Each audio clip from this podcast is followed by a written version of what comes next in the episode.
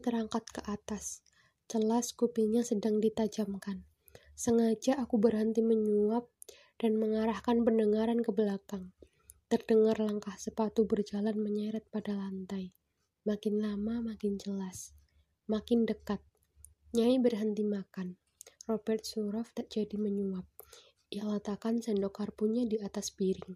Yang, ter yang terdengar olehku, langkah itu makin mendekat, mengalahkan bunyi ketak-ketik pendule. Robert Melema meneruskan makannya seperti tiada terjadi sesuatu. Akhirnya, Annelies yang duduk di sampingku menengok ke belakang juga. Ia menggerekap kaget. Sendoknya jatuh terpelanting di lantai.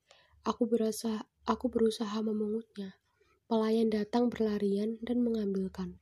Kemudian cepat-cepat menghindar, meninggalkan ruangan entah ke mana. Gadis itu berdiri seperti hendak menghadapi si pendatang yang semakin mendekat. Kuletakkan sendok dan karpu di atas piring, mengikuti contoh analis, berdiri memunggungi meja makan. Nyai juga berdiri bersiaga. Bayang-bayang pendatang itu disemprotkan oleh lampu ruang depan. Makin lama makin panjang. Langkah sepatu yang terseret semakin jelas. Kemudian muncul seorang lelaki Eropa, tinggi, besar, gendut, terlalu gendut. Pakaiannya kusut dan rambutnya kacau. Entahlah memang putih, entahlah uban. Ia melihat ke arah kami, berhenti sebentar. Ayahmu, bisuku pada analis. Ya, hampir tak terdengar. Tanpa mengubah arah pandang, Tuan Melema berjalan menyeret sepatu langsung menuju padaku. Padaku seorang, ia berhenti di hadapanku. Alisnya tebal, tidak begitu putih, dan wajahnya beku seperti batu kapur. Sekilas pandanganku jatuh pada sepatunya yang berdebu, tanpa tali. Kemudian, teringat olehku pada ajaran guruku. Pandanglah mata orang yang mengajakmu bicara. Buru-buru aku angkat lagi pandanganku dan beruluk tabik. Selamat petang Tuan Melema. Dalam Belanda dan dengan nada yang cukup sopan. Ia menggeram seperti seekor kucing. Pakaiannya yang tiada bersetrika itu longgar pada badannya. Rambutnya yang tak bersisir dan tipis itu menutup pelipis kuping. Siapa kasih kue izin datang kemari, monyet? Dengusnya dalam Melayu pasar, kaku dan kasar, juga isinya. Di belakangku terdengar daham Robert Melema. Kemudian terdengar olehku analis menarik nafas dan Robert Suhrov menggeserkan sepatu dan memberi tabik juga. Tapi raksasa di hadapanku itu tidak menggubris.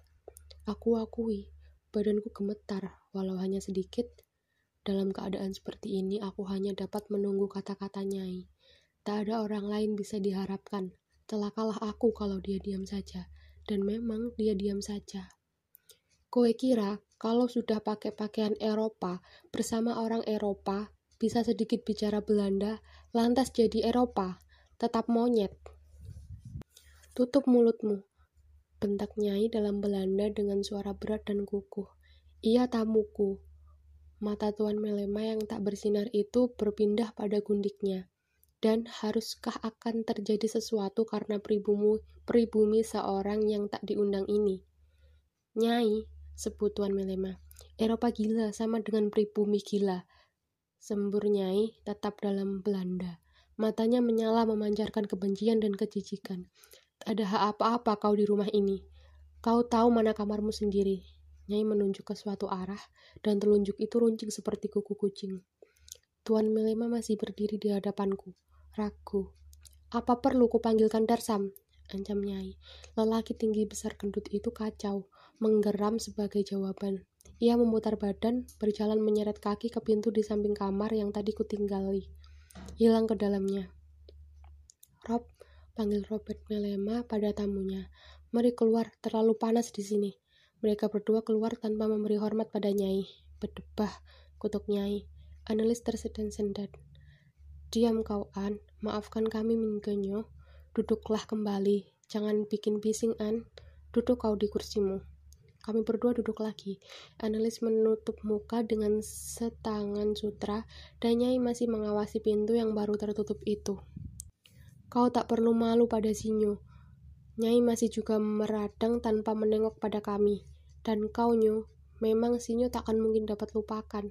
Aku takkan malu. Jangan Sinyo kaget atau ikut malu. Jangan gusar. Semua sudah kuletakkan pada tempatnya yang benar. Anggap dia tidak ada, Nyo. Dulu aku memang nyainya yang setia, pendampingnya yang tangguh. Sekarang dia hanya sampah tak tanpa harga. Orang yang hanya bisa bikin malu pada keturunannya sendiri. Itulah papamu, An. Puas mengumpat, ia duduk kembali, tak meneruskan makan. Wajahnya menjadi begitu keras dan tajam. Tenang-tenang aku pandangi dia. Wanita macam apa pula dia ini? Kalau aku tak keras begini, Nyo, maafkan aku harus membela diri sehina ini. Akan jadi apa semua ini? Anak-anaknya, perusahaannya, semua sudah akan menjadi gembel. Jadi aku tak menyesal telah bertindak begini di hadapanmu, Nyo. Suaranya kemudian menurun seperti mengadu padaku. Jangan kau anggap aku biadab, katanya terus dalam Belanda yang patut. Semua untuk kebaikan diri sendiri. Dia telah perlaku perlakukan sebagaimana dia kehendaki. Itu yang dia kehendaki memang. Orang-orang Eropa sendiri yang mengajar aku berbuat begini. Minke, orang-orang Eropa sendiri. Suaranya minta kepercayaanku tidak disekolahkan di dalam kehidupan ini. Aku diam saja. Setiap patah kata dari kata-katanya, kupakukan dalam ingatanku. Tidak disekolahkan di dalam kehidupan. Jangan anggap biadab orang Eropa sendiri yang mengajari begini. Sekarang Nyai berdiri, berjalan lambat-lambat ke arah jendela. Dari balik tabir pintu itu, ia tarik seuras, seutas tambang lawe yang berujung pada segumpal jumbai-jumbai. Dari kejauhan terdengar sayup bunyi kiring-kiring. Muncullah kembali pelayan wanita yang telah kabur. Nyai memerintahkan mengundurkan makanan. Aku masih tetap tak tahu apa harus kukerjakan. Pulanglah kaunya, katanya sambil berpaling padaku. Ya, Mama, lebih baik aku pulang. Ia berjalan menghampiri aku, matanya kembali jadi lembut sebagai seorang ibu. An, katanya lebih lunak lagi. Biar tamumu pulang dulu. Seka air matamu itu. Aku pulang, aku pulang dulu, An. Senang sekali aku di sini, kataku. Sayang sekali, Nyo, sayang sekali. Suasana sebaik itu jadi rusak begini. Nyai menyesali. Maafkan kami, Minke. Fisik analis tersendat-sendat. Tak apaan. Kalau liburan nanti, berpakan sih kau di sini saja, Nyo. Jangan ragu, tak akan terjadi apa-apa. Bagaimana? Setuju? Sekarang Sinyo pulang, biar Darsam antarkan dengan dokar. Ia berjalan lagi ke jendela dan menarik tambang tadi. Kemudian ia duduk di tempatnya lagi. Dalam pada itu aku masih mengherani hebatnya nyai seorang manusia dan lingkungan memang berada dalam genggamannya, juga aku sendiri. Lulusan sekolah apa dia, maka nampak begitu terpelajar, cerdas dan dapat melayani beberapa orang sekaligus dengan sikap yang berbeda-beda. Dan kalau dia pernah lulus suatu sekolah, bagaimana mungkin bisa menerima keadaan sebagai nyai-nyai? Tak dapat aku temukan kunci untuk mengetahui.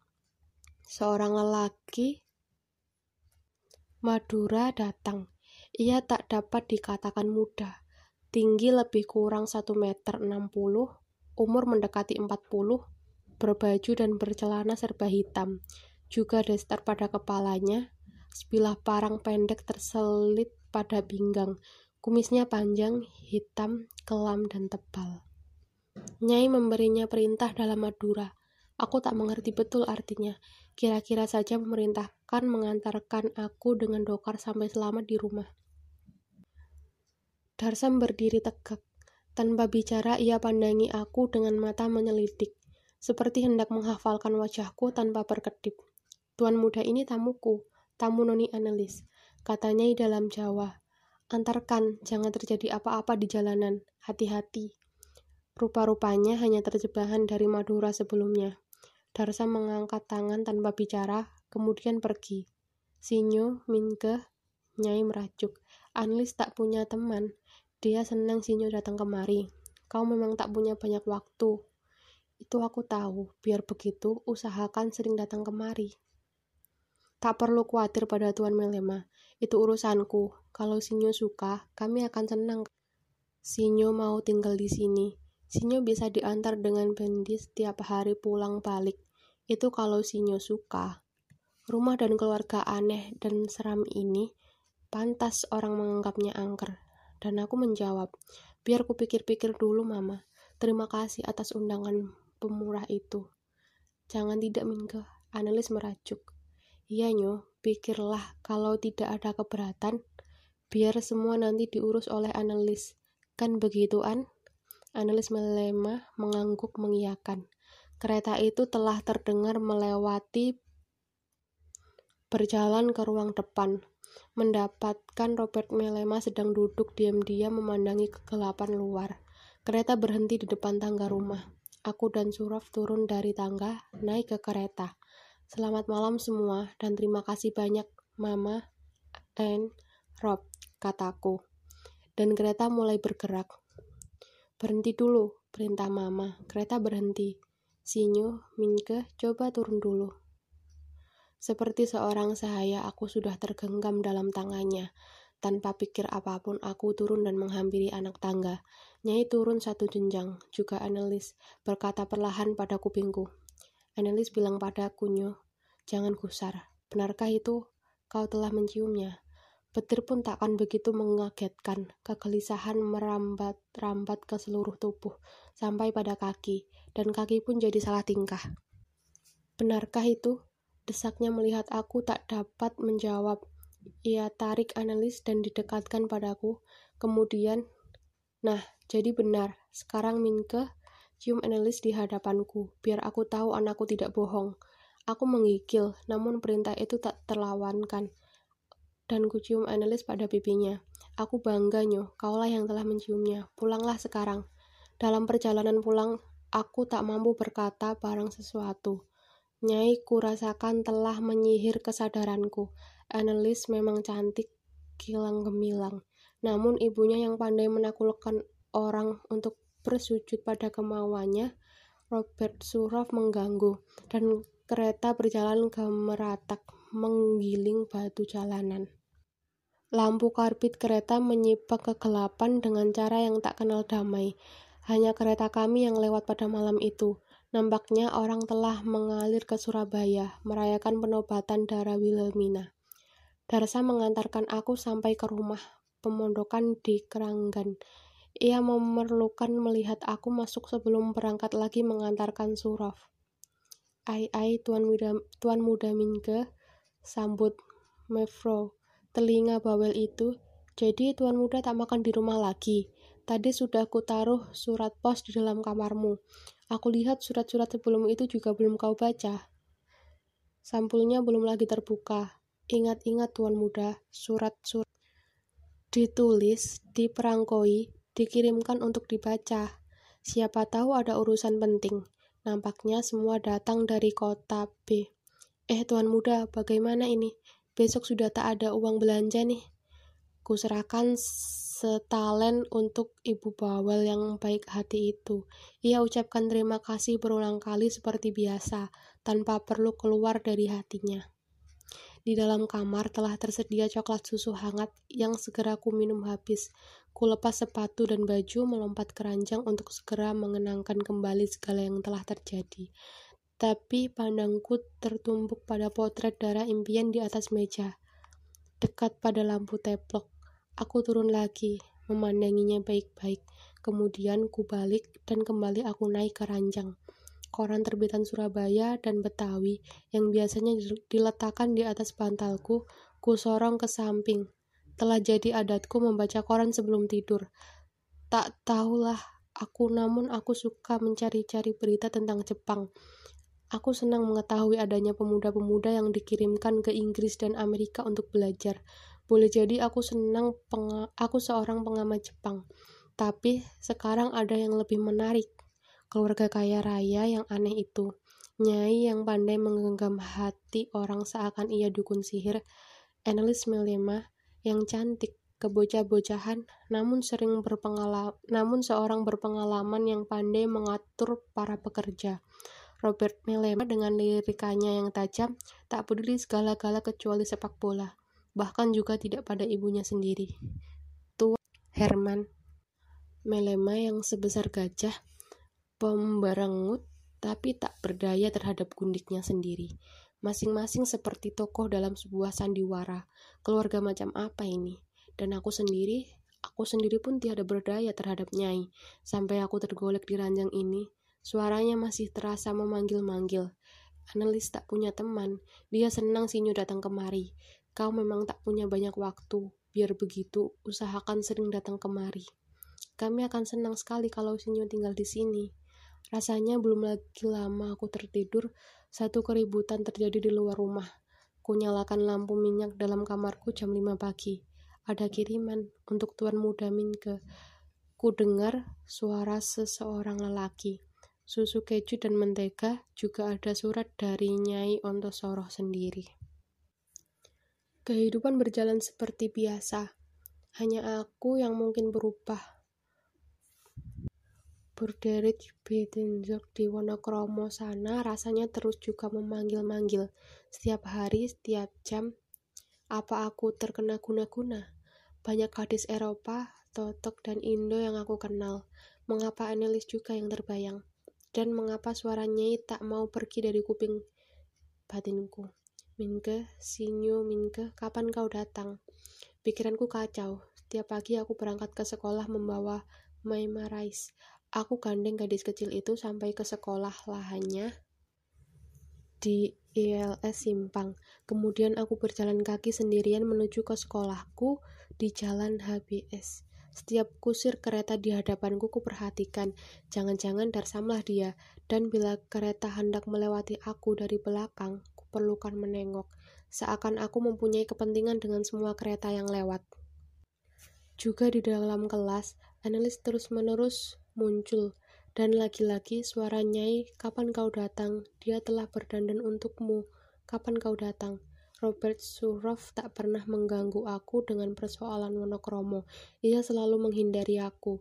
Ia enggan melunasi janjinya untuk menghormati aku bila aku berhasil. Dan aku sendiri merasa seperti sedang hidup dalam selubung kelabu. Semua tidak jelas, dan perasaan tidak menentu.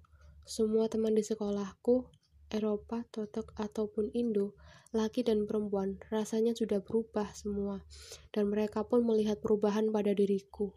Ya, aku telah kehilangan kelincahan dan keramahanku.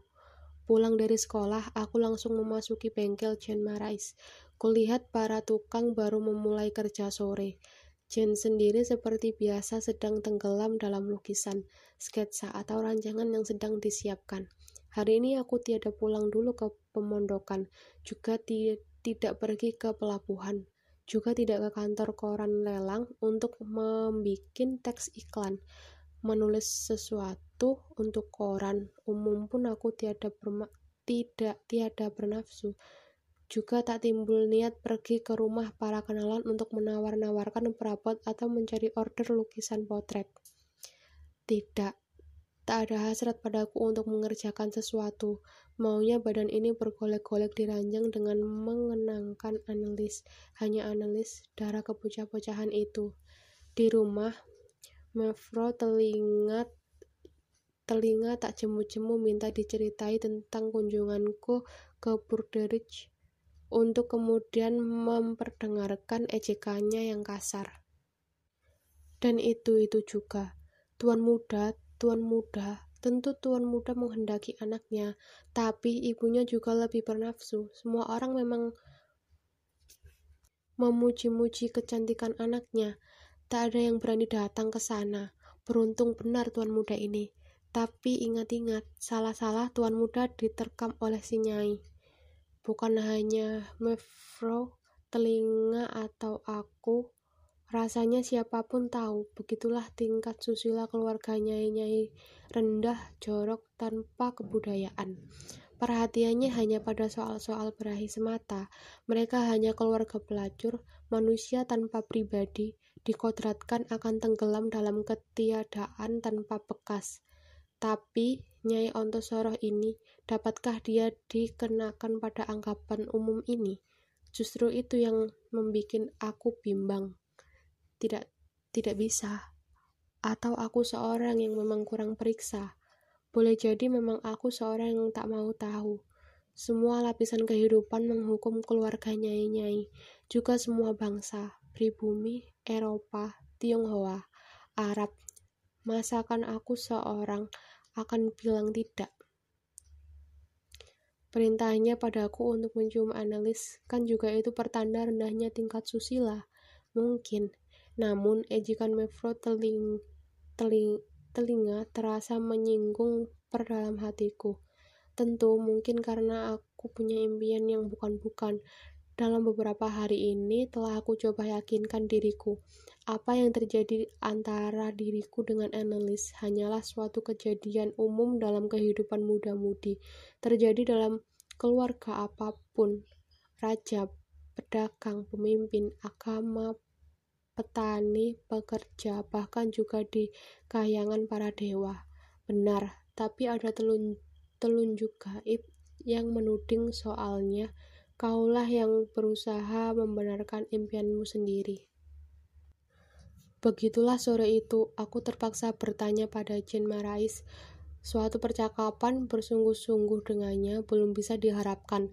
Sekalipun bahasa Melayunya semakin hari semakin baik juga, dia tak tahu Belanda. Itu sulitnya. Bahasa Melayunya terbatas. Bahasa Perancisku sangat payah. Ia setengah mati menolak belajar Belanda. Sekalipun lebih empat tahun jadi serdadu company berperang di Aceh, bahasa Belanda yang diketahuinya terbatas pada aba-aba militer. Tapi dia sahabatku yang lebih tua. Kompan, kom, kompanyon dalam berusaha, sudah sepatutnya aku bertanya padanya. Para tukang di bengkel sedang merampungkan perabot kamar yang dipesan dengan nama Ah Chong. Mungkin yang punya rumah pelesiran tetangganya Ontosoroh. Hanya karena pesanan itu bergaya Eropa, orang Tionghoa tidak memesan pada sebangsanya sendiri. Kuterima order itu melalui orang lain. Jen sedang memainkan pensil membuat sketsa untuk lukisan yang akan datang. Aku hendak mengganggumu, kataku dan duduk di kursi pada meja gambarnya. Ia mengangkat muka memandangi aku. Tahu kamu artinya sihir? Ia menggeleng. Guna-guna, tanyaku. Tahu, sejauh pernah ku dengar, orang-orang Zanggi biasa lakukan itu, kata orang. Itu pun kalau pendengaranku benar. Mulai ku ceritakan padanya tentang keadaan yang serba tersihir, juga pendapat umum tentang keluarganya. Nyai pada umumnya, dan keluarga Nyai Ontosoro khususnya. Ia letakkan pensilnya di atas kertas gambar, menatap aku, mencoba menangkap dan memahami setiap kataku. Kemudian tenang dan campur aduk dalam beberapa bahasa. Kau dalam kesulitan, Mingke. Kau jatuh cinta. Tidak, Jin, tidak pernah aku jatuh cinta. Memang darah itu sangat cantik, menawan. Tapi jatuh cinta aku tidak. Aku mengerti, kau dalam kesulitan, itu parahnya kalau orang tak dapat dikatakan jatuh cinta. Dengar, Binke, darah mudamu ingin memiliki dia untuk dirimu sendiri, dan kau takut pada pendapat umum. Lambat-lambat ia tertawa. Pendapat umum perlu dan harus diindahkan. Hormati kalau benar, kalau salah, mengapa dihormati dan diindahkan? Kau terpelajar, Minke. Seorang terpelajar harus juga belajar berlaku adil sudah sejak dalam pikiran, apalagi dalam perbuatan. Itulah memang arti terpelajar itu. Datanglah kau padanya, barang dua tiga kali lagi, nanti kau akan dapat lebih mengetahui benar tidaknya pendapat umum itu. Jadi kau anjurkan aku datang lagi ke sana. Aku anjurkan kau menguji benar tidaknya pendapat umum itu. Ikut dengan pendapat umum yang salah juga salah. Kau akan ikut mengadili satu keluarga yang mungkin lebih baik daripada hakimnya sendiri. Jen, kau memang sahabatku. Aku kira kau akan adili aku. Tak pernah aku mengadili tanpa tahu duduk perkara. Jen, aku diminta tinggal di sana. Datanglah ke sana hanya jangan lupa kau pada pelajaranmu. Kau tak begitu perlu mencari order baru. baru. Lihat, masih ada lima potret yang harus diselesaikan. Dan ini, ia menempuk kertas sketsa. Aku tidak melukis sesuatu yang sudah lama aku inginkan. Aku tarik kertas sketsa di hadapannya. Gambar itu membuat aku lupa pada persoalanku. Seorang serdadu company nampak dari topi bambu dan pedangnya, sedang menginjakan kaki pada perut seorang pejuang Aceh. Serdadu itu menyorongkan bayonet pada dada kurbannya. Dan bayonet itu menekan baju hitam kurbannya, dan dari balik baju itu muncul buah dada seorang wanita muda. Mata wanita itu membeliak, rambutnya jatuh terurai di atas luruhan daun bambu. Tangan sebelah kiri coba meronta untuk bangun, tangan kanan membawa parang yang tak berdaya. Di atas mereka berdua memayungi rumpun bambu yang nampak meliuk diterjang angin kencang. Di seluruh alam ini seakan hanya mereka berdua saja yang hidup, yang hendak membunuh dan yang hendak dibunuh. Kejam sekali, Jen. Ya, ia mendeham, kemudian menghisap rokoknya. Kau suka bicara tentang keindahan, Jen. Di masa keindahan, suatu kekejaman, Jen. Tidak sederhana keterangannya, Minke. Gambar ini bersifat sangat pribadi, bukan untuk umum. Keindahannya ada di dalam kenangan-kenangan, kenang-kenangan. Jadi kaulah serdadu ini, Jen. Kau sendiri, aku sendiri, Minke. Ia mengangkat muka. Telah kau lakukan kebiadaban ini, ia menggeleng. Kau pembunuh wanita muda itu. Ia menggeleng lagi. Jadi kau lepaskan dia. Ia mengangguk. Dia akan berterima kasih padamu. Tidak, Minke. Dia yang minta dibunuh. Gadis Aceh kelahiran pantai ini, dia malu telah terjamah oleh kafir. Tapi kau tak bunuh dia. Tidak, Minke. Tidak. Jawabnya lesu dan seakan tidak dirujukan padaku, tapi pada masa lalunya sendiri yang telah jauh tak terjangkau lagi. Di mana perempuan itu sekarang? Tanyaku mendesak. Mati, Minke. Jawabnya berduka cita. Jadi kau sudah membunuhnya, seorang wanita muda tidak berdaya. Tidak, bukan aku. Adiknya lelaki menyusup ke dalam tangsi, men menikamnya dengan rencong dari samping. Dia mati seketika. Rencong itu beracun. Pembunuh itu sendiri terbunuh di bawah pekikan sendiri maupun kafir, pengikut kafir. Mengapa adiknya menikamnya? Sudah lupa sama sekali aku pada kesulitanku pribadi. Adiknya tetap berjuang untuk negerinya, untuk kepercayaannya. Kakaknya itu tidak setelah dia menyerah. Dia mati tanpa saksi Minke. Waktu itu anaknya sedang diajak jalan-jalan oleh tetangga. Suaminya sedang pergi bertugas. Jadi, perempuan ini kemudian hidup dalam tangsi company. Jadi tawanan, jadi tawanan sampai beranak. Tadinya jadi tawanan, kemudian tidak, jawabnya cepat. Jadi, dia lantas kawin dengan, dengan seseorang? Tidak, dia tidak kawin. Dan anak yang diajak jalan-jalan oleh tetangga itu dari mana asalnya? Anak itu bayi yang diberikannya padaku, anakku sendiri Minke. Jen, iya Minke, jangan sampaikan pada Mei cerita ini. Mendadak saja aku jadi perasa. Aku lari mencari Mei yang sedang tidur dengan aman di atas amin kayu tanpa spray. Aku angkat dia dan kuciumi. Ia terkejut membelalak melihat padaku. Ia tak berkata sesuatu pun. Mai, Mai, seruku sentimental. Aku gendong dia dan keluar mendapatkan Jen merais kembali. Jen, inilah anakmu, inilah bayi itu, Jen. Kau tidak bohongi aku, Jen. Kau bohongi aku, kan? Orang Perancis yang sedang bertompang dagu itu memandang jauh keluar rumah. Ia tak mau mengulangi ceritanya, ia tak mau menjawab. Betapa mengibakan nasib gadis kecil ini, juga ibunya. Lebih-lebih sahabatku, Jen Marai sendiri, di negeri asing tanpa hari depan, kehilangan sebelah kaki pula. Ia sering bercerita tentang mencintai istrinya, dan anak ini adalah anak tunggal, kini tanpa ibu untuk selama-lamanya. Hanya punya seorang ayah berkaki satu. Itu sebabnya kau anjurkan aku datang lagi ke Wonokromo, tanyaku.